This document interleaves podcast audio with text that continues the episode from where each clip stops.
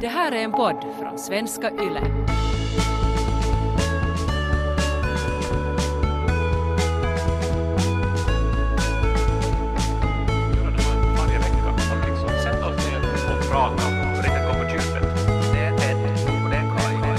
Välkomna!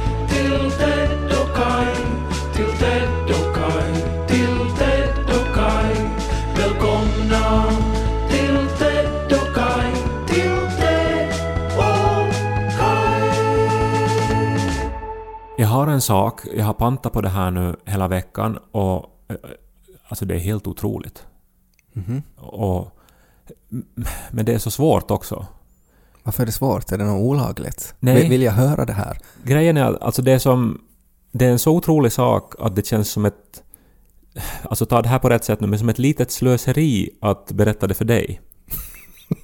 För, för, att det här är som en... Hur, bara, hur ska jag ta det på rätt sätt? Nej, vad, är, vad är det rätta sättet som jag ska ta en sån kommentar på? Det här hör till en kategori av saker som eh, 99% av alla mina vänner och bekanta skulle bli helt mindblown av. Precis som jag har blivit. Mm. Men du, är, du kommer inte att bli det. Okej? Så jag vet att, att det är som att jag förstör lite min egen filis om jag berättar det åt dig. Ja, för att jag tar ner dig på jorden och har klockrena argument varför det här inte är så stor grej. Nej men det här är, det här är en stor grej. Okej. Det, det, för det här ändrar på, på, på, på, på själva strukturen i ens hjärna. Tycker du att det här var ett så här vettigt sätt att hypa det här för då? För att nu är jag ju ganska sådär jag har ju på något sätt så här taggarna utåt, alltså både för att du förolämpar mig, att, att det här är liksom slöseri att du berättar åt mig, och sen också då att nu har jag ju också armarna i kors och är sådär att no men come on, blow my mind då. Nej men jag kan känna ibland, har inte du så också? Att, vet du, att du har en sån här nugget, alltså någonting som, som, som du bara dör av förväntan att få säga till folk. Jag har ofta nuggets som, som jag dör av förväntan att, att få äta upp. Ja. Mm. Men, eh, men ja, alltså sådär du, du sitter på ett korn av visdom och du vill inte liksom bara hålla det för dig själv. Du vill sprida det här budskapet. Ja, och jag vill ju göra det förstås till min bästa vän som är du. Men just den här nuggeten så vet jag att du kommer inte att uppskatta. Du är som ett Jehovas vittne. Alltså sådär att du har ett budskap att berätta och du vill bara knacka och gå vidare. Men du vet att Ted Forsströms hus, så han brukar inte öppna dörren. Var det som med Jehovas vittnen att de nu slutar knacka dörr? För nu står de istället alltid vid metrostationen och så här där det rör sig mycket folk. Nej, de har väl börjat ringa, har jag förstått nu. Alltså att det finns sådana här register att de får tag på, på folks kontaktuppgifter och så ringer de. Och Det är ju ännu värre det. det är ännu värre. Och sen är de väl också sådär att de siktar in sig mot åldringar. Jag förstår inte att det ännu inte har blivit förbjudet i lag att ringa folk spontant. Ja, men det var väl Jesus som sa att de skulle göra sådär? Var det Ring. inte så? Är det inte liksom det nya, nya testamentet så sa Jesus ni ska knacka på, ni ska ringa åt dem, vad som helst så att de går med er tidning. Är det inte det handlar om? Men grejen är att jag tror ju också att Jehovas vittnen får en kick av att bli utslängda, eller av att bli häcklade. För då är det som eh, att då har Att de gett... något så, alltså då, att det är något fetischistiskt över det här. Att bli ratade. Nej men det är någon... Stäng dörren rakt i mitt face baby. På något sätt så gör det ens insats vid du mera värd i Ja. Herrens ögon. Att Ja, man blev sättet, häcklad och utsatt för, För någonting det- obehagligt. Det blev ju Jesus också, han blev ju korsfäst. Exakt. Och att då är som Jesus så här att ja men du gjorde ju ändå ditt bästa. Att, Mm. att nu, nu, nu är det okej. Ta här en, mitt, mitt, min kropp. Tror du att man lite gottar sig åt dem, att de också kommer att brinna i helvetet? Säkert, alltså det skulle ju ingen erkänna men Nej. 100% säkert Ja. när man har fått en dörr kastad i sitt face så, så då går man hem och är ändå lite nöjd att Ja, den för där att, jäveln. nej, men för man vet ju att det kommer att hända. Att, Ja, att, jag att kan- hinnhålet kommer att steka den där människan på ett spett. Ja. Och då får han nog se att jag Ja. hade rätt. Och medan han steks Eh, på en påle så svävar jag i rymden med Jesus. Mm. är det inte det också? Alltså att en del av de här superkrafterna att de kan flyga? Det är alltså alltid när man ut. börjar liksom bena ut vad det egentligen är budskapet handlar om. Alltså Mm. när man går ner riktigt på konkret detaljnivå. Vad, Ja. vad är det ni tror på? Ja, Så, så, så då blir det ju... de vill ju inte att man ska göra det. Nej, det blir roligt. Ja. Ja, men men, eh, men jag, jag ska väl ändå nu då, eftersom jag äh, tänker att 99% av alla som lyssnar på den här podden också kommer att bli helt, helt euforiska av det här som jag nu kommer att eh, berett. Ja. Så då måste jag väl göra det. Du ändå. använder starka och stora ord nu för att... Ja. Nej men det handlar om en, om en låt som vi alla känner till. Jag trodde det var Disney Plus du pratade om. Hur skulle jag prata om det? Nej men för det är en så här stor nyhet som, som har har hänt. Och jag, och jag bara förväntade att jag skulle säga att jo, jag vet nog det där redan. Men det vet väl Det är väl ingen som har marknadsfört så mycket som Disney Plus? Nej, exakt. Herregud. Nej men det här handlar om Michael Jackson-låten “Wanna be starting something”. Wanna be starting something, wanna be starting something. Visst är det det? Ja. Men, men hur slutar den? Vad, vad är det de... vad är det de sjunger i slutet? Jag har Hela ing- kören? Jag vet inte. Nej, jag men har om- ingen aning. Nej men om du har alltså... Det där, alltså för mig är det där sången är Wanna be starting something, wanna be starting something. Och så bara loopar det hela ja, tiden. Ja men sen så, så kommer en kör med och jag, sjunger. jag vet inte vad de säger. Mamma säger mamma sa, mamma sa, mamma säger mamma sa, mamma Ja. sa. Och det där just har ju samplats av Rihanna och allting. Okej. Mm, och alla går ju... all- Alla har ju det där i huvudet. Mm. Nå, är du beredd nu då? Nå. I'ma say one more time I'm not gonna stop. I'ma say one more time I'm not gonna stop. Är det det de sjunger alltså? Att det är inte något så här mamma säger, mamma sa. Tänk nu! Alla, alla som lyssnar på det här just nu känner samma otroliga... Vet du, att världen plötsligt... Vet du, nästan att mattan drogs bort men också att, att rymden öppnade sig. Och att man är så här att... Men, men har man gått omkring och funderat då? Att vad är det de sjunger? Att man har haft liksom den där finnen i pannan. Vad sjunger de? Vad sjunger den där kören? Och nu har du liksom då lanserat den och så sprids det var överallt.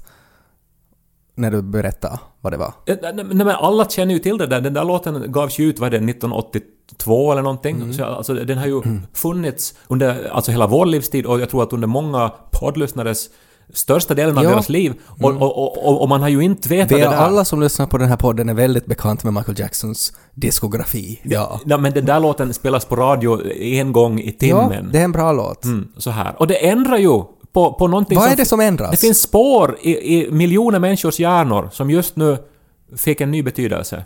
Men tror du man faktiskt tar till sig det där? För att man har ju på något sätt så här auditivt lärt sig då den där ramsan. Och när någon då säger att det där du har liksom nunnat på hela ditt liv så är fel, att egentligen så borde det vara så här. Tror du man faktiskt ändrar det där då i huvudet? Nej, och jag menar det måste man inte heller göra. Men Mm. att man har ju varit... för- att också, det där makes ju sense. För den heter ju “Wanna be starting something”. Ja. And he's gonna say one more time, he's not gonna stop. Ja. Men eh, al- alltså, är det här, har det här varit ett mysterium i stil med Bigfoot eller Loch Nej men du ska inte... Du måste... Vet du vad? Det här var en... eh, eh, Den enda giltiga reaktionen på det här är en känsloreaktion. Så här, Mm. oj! Oj! Nu måste det finnas ha, men så här no, mo, mo, motsvarande, vet du, när någonting... Vet du, när den här haren som är ritad med blyertspenna och så vänder man den på sidan och så ser man ja men det är ju en anka! Det har varit en anka hela tiden! Mm, inte, jag tycker inte att det är samma kategori som det. Ja. För då handlar det ju om en illusion på något sätt och att sådär att hur man kan lura sin hjärna. Det, det, jag, jag, jag kanske... Jag köper väl inte argumentet att folk har gått omkring och funderat på det här länge.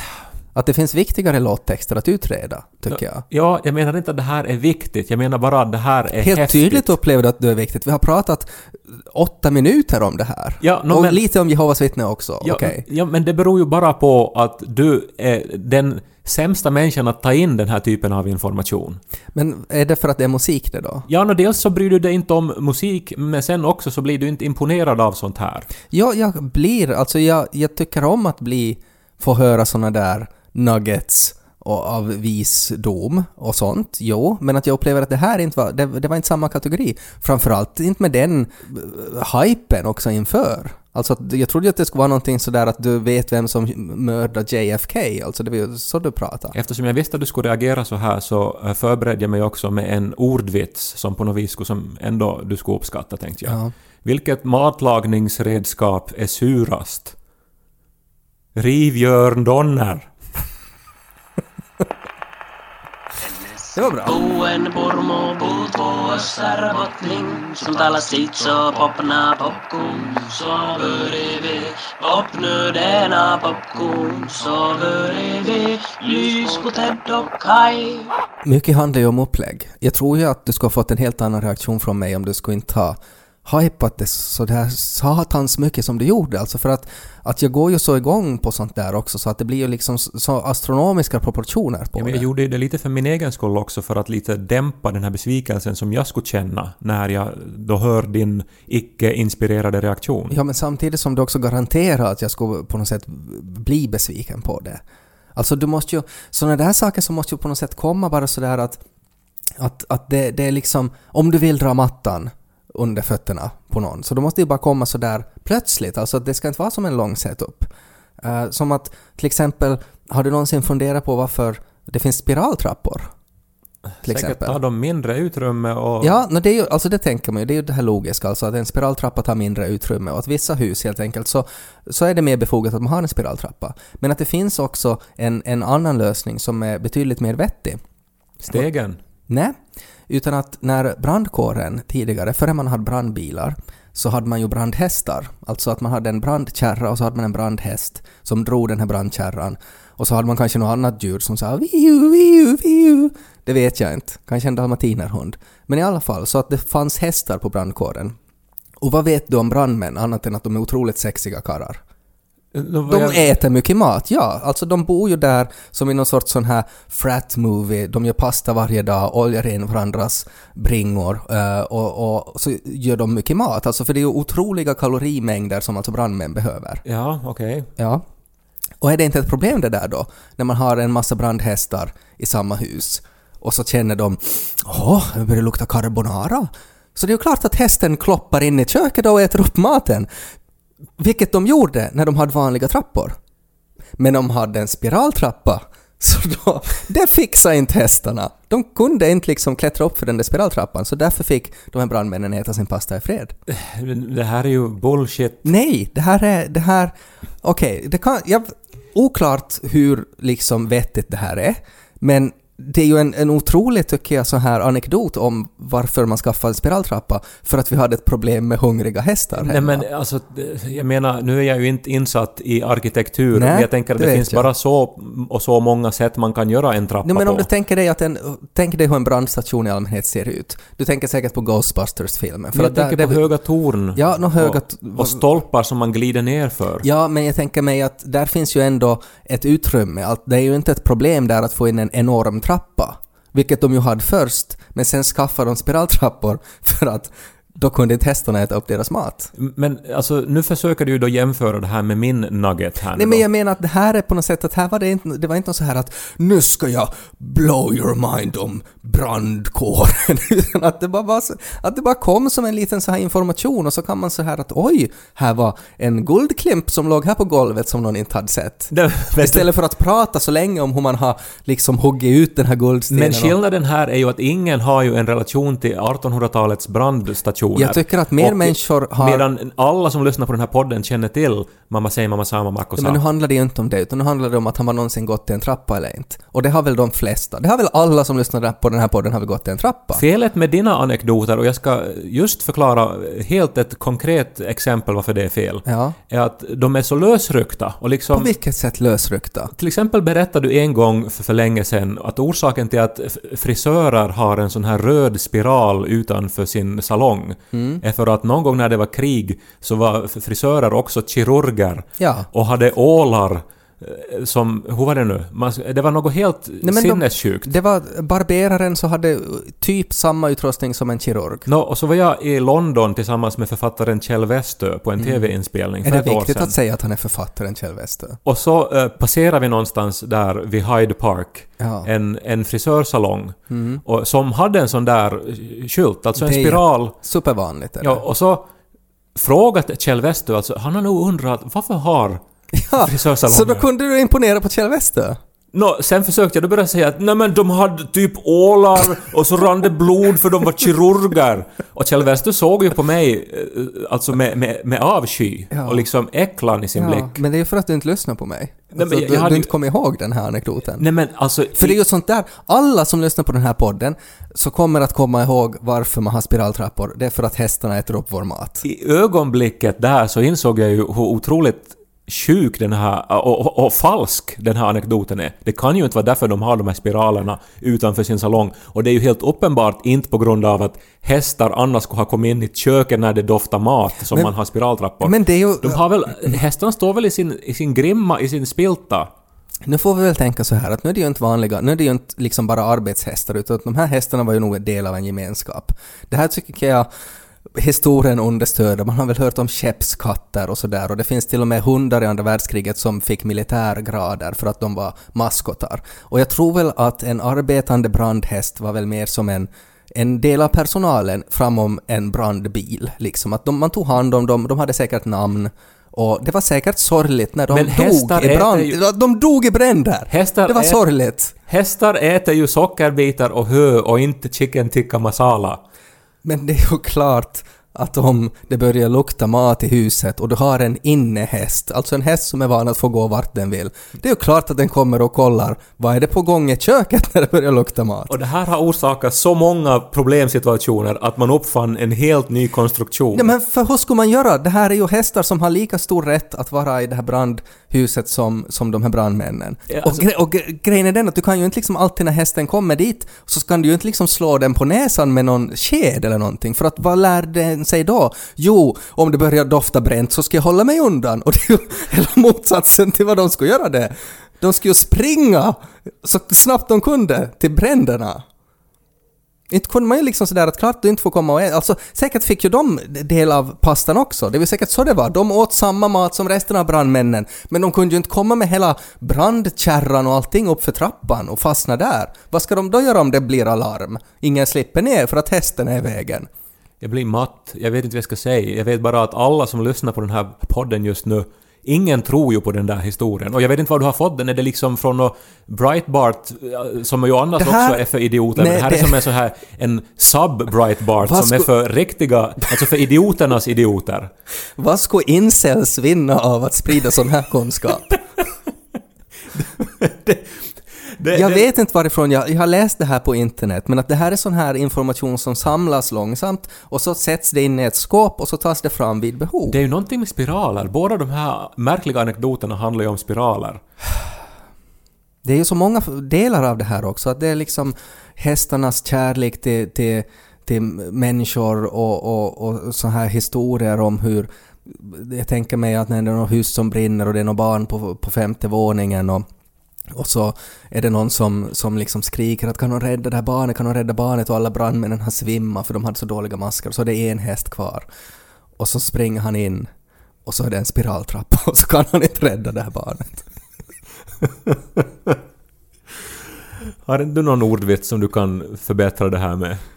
Rädda detta haveri Ja. till segment. Vänta lite, vänta lite, jag funderar, jag försöker inte stalla.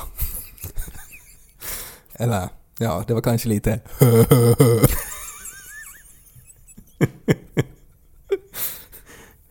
Nå, det är inte alla som fattar galopp.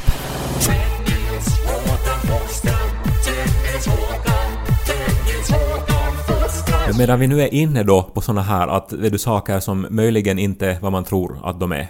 Ä- Ändå ett, ett angenämt tema på något sätt. Ja, Jag har lyssnat på en poddserie som är väldigt omtalad. eh, som heter Wind of Change. Eh, har du lyssnat på podden? Kan Nej. jag fråga först? är det inte en Scorpions sång? Ja, den, den handlar alltså, det är ett, en åttadelad dokumentär som handlar om låten Wind of Change av The Scorpions. Som ju är alltså... Hur, det, hur låter den sången? Han visslar ju, du vet du ju. Nej, jag kan inte vissla. Ja, just det. Mm. Nu är jag, Det var inte en bra vissling. nu är jag torr i munnen här. Ja. Nej, mm. Men det är okej. Det är liksom, publiken är van med att ribban är inte hög. Ja, men det är ju alltså, jag menar för oss som, som var barn på 90-talet, det här var ju vi-tryckare. Det är Ja. ju den här som spelades då på diskorna Mm. och, så, och så höll man om varann. Och eh, den här låten är ju eh, alltså jättestor. Alltså jag har ju vetat att den, den spelas mycket på radio, men det här är ju alltså en av de mest eh, sålda singlarna genom tiderna. Och alltså en av de största radiohitsen någonsin. Mm. Men det är en bra låt. Ja, och den eh, är ju också väldigt förknippad då med kalla krigets slut. Och... eh, För att den kom då vid det årtalet? Den kom 1991, alltså när Sovjetunionen ramlade ihop. Och eh, det är ju många som för- förknippar låten med det och den handlar ju också om alltså att röra sig i Moskva, down to Gorky Park, listening to the wind of change. Och att eh, nu är det någonting som händer här. Vi, Så den vi- är, den är liksom helt skriven med det i åtanke? Ja, No, alltså det här är ju nu då grejen att eh, den förknippas vä- väldigt mycket med det. Eh, det var många unga, framförallt då i Sovjetunionen, som tog det här låtens budskap som ett väldigt så här trösterikt, hoppfullt budskap. Och många menar ju att det, det kanske, den här låtens popularitet var eventuellt med och bidrog till att Sovjetunionen då föll sönder. Alltså förstås, det är ju ett komplext skeende. Ja. Uh, Gorbatjov och perestrojka och allt möjligt vi, där eh, förstås som hör ihop med det men, men, men att den ändå liksom var med på ett hörn. Ja. Och den här dokumentären reder nu då ut en konspirationsteori. Får jag bara som en snabb parentes här. Tycker ni inte att det är lite synd att det inte ännu har kommit någon politiker som skulle ha lika så här kännspakt födelsemärke som Gorbatjov hade? Nå, det där har vi väl pratat om tidigare i podden att det är ju jättebra för, för Gorbatjov att han hade det här födelsemärket. Eftersom han ju blev ikonisk omedelbart. Ja. Det är ju jättemånga statschefer som ingen vet hur de ser ut. Nej men jag tänker bara att, att det är också på något sätt alltså att han var ju aktuell då när vi, vi på något sätt så här såg nyheter för första gången och sådär. Att han var med och skapa den här arketypen för hur en manlig politiker ser ut. Och det var ju väldigt speciellt då att det var någon som hade ett så annorlunda utseende.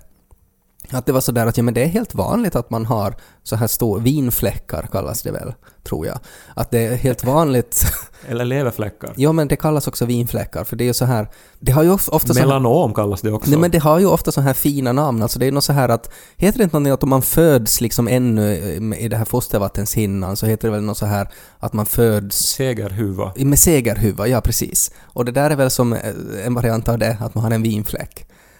Jag, jag vågar inte... Nej men jag, jag är bara ute efter att jag trodde när jag var liten och sådär eh, att man kunde påverka mig så trodde jag att kanske var, var tredje politiker hade ett enormt födelsemärke i fejset. Och att det var på något sätt någon sorts yttre kännetecken att oj, vår baby kommer säkert att bli politiker. Det är ju också en annan ledare på den tiden var ju Yasser Arafat. Ja. Och han hade ju då sin, alltså den här, vad heter det, alltså en slöjahuva sån Ja, här. tur, alltså någon form av turban är det väl? Ja, men den hängde som ner så här. Ja, en nerfälld turban. Cab- Cabriolet-turban. Och han var mycket i nyheterna, så det liksom blev ju det att politiker är såna här figurer med tydliga attribut. Mm. Ja, Idag är det ju en orange man med märkligt hår Mm. som är arg. ja. Som Lo till exempel nu då börjar förknippa med politik. Mm. Men i alla fall, eh, den här låten då, Wind of Change, det finns nu då en konspirationsteori som säger att den är skriven av the CIA. Central Intelligence Agency. Ja. USAs underrättelsetjänst. Så det var liksom men, alltså politisk krigsföring egentligen? Ja, precis. På ett väldigt slugt sätt. Jo. Alltså, och som ju fick en otroligt genomslag och en effekt liksom. Och eh, det är ju en otroligt kittlande tanke tycker jag.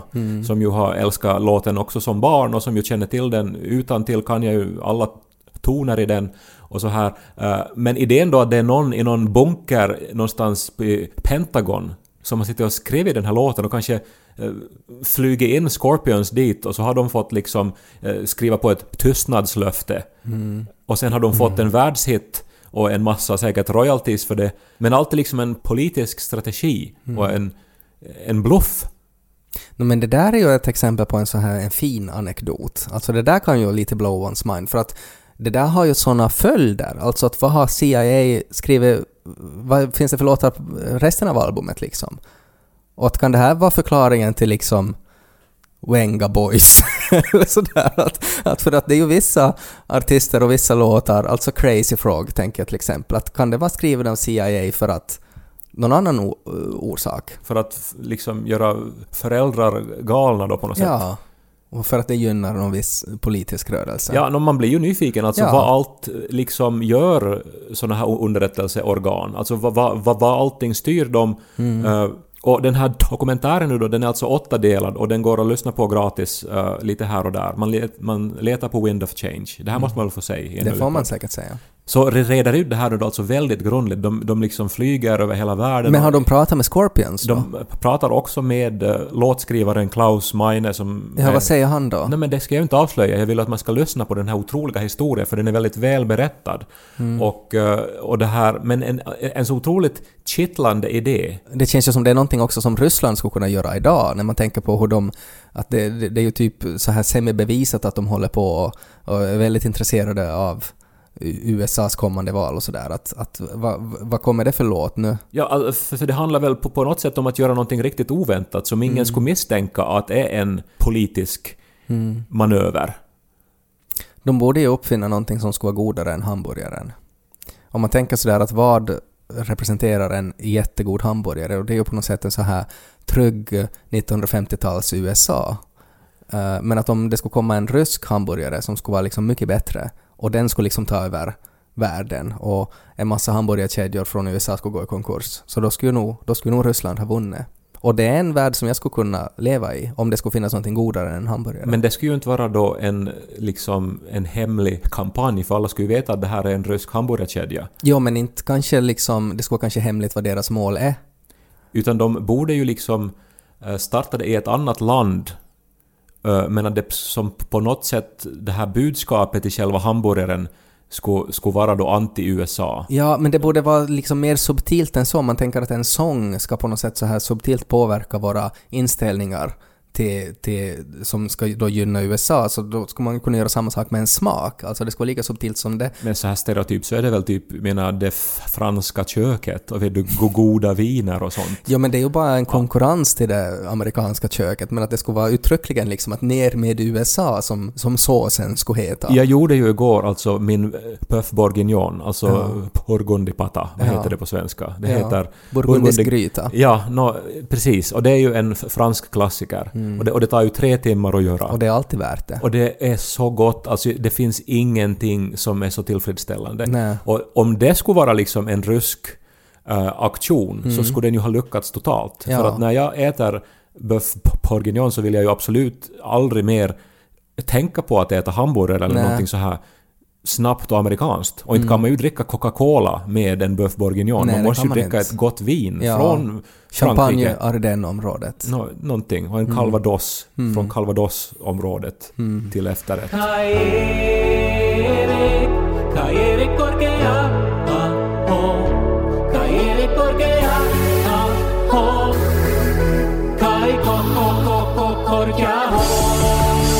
Kan inte släppa det här med riv Jörn Donner nu. Alltså det var helt okej. Eh, Det som ju lite tar ner betyget på den här ordvitsen är ju att, att om, om han skulle bara vara känd som Jörn, så då skulle det vara Rivjörn och det skulle räcka.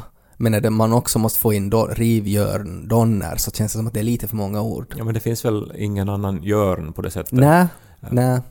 Men, men, men, men att Jörn Donner tog ju tyvärr eh, det tidigare i år, i januari.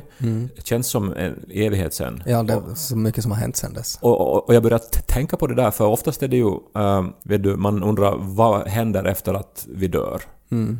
Eh, och till exempel Markus Krunegård sjunger ju Det som händer när vi dör är att livet går vidare precis som förr.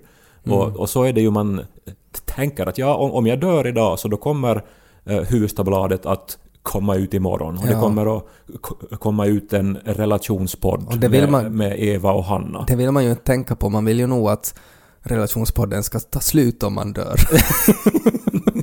att de säger att vi försökt göra ett avsnitt, men tyvärr. Det är inte, det är inte någon vits att vi fortsätter med... Inga relationer är relevanta något mer. Så, Eftersom, och, och, och, på, mm, och på huset säger man så här att stoppa pressarna. ja, Inte bara nu, utan för gott. ja, Kai Korkeaho dog. ja, det finns ingen nyhet som kan toppa det. Så ska man ju vilja. Det finns ju ett underbart klipp eh, från The Late Show eh, när Stephen Colbert intervjuar Keanu Reeves och frågar honom vad som händer efter att man dör. Har du sett det här? Nej. What do you think happens when we die, Keanu Reeves? I know that the ones who love us will miss us.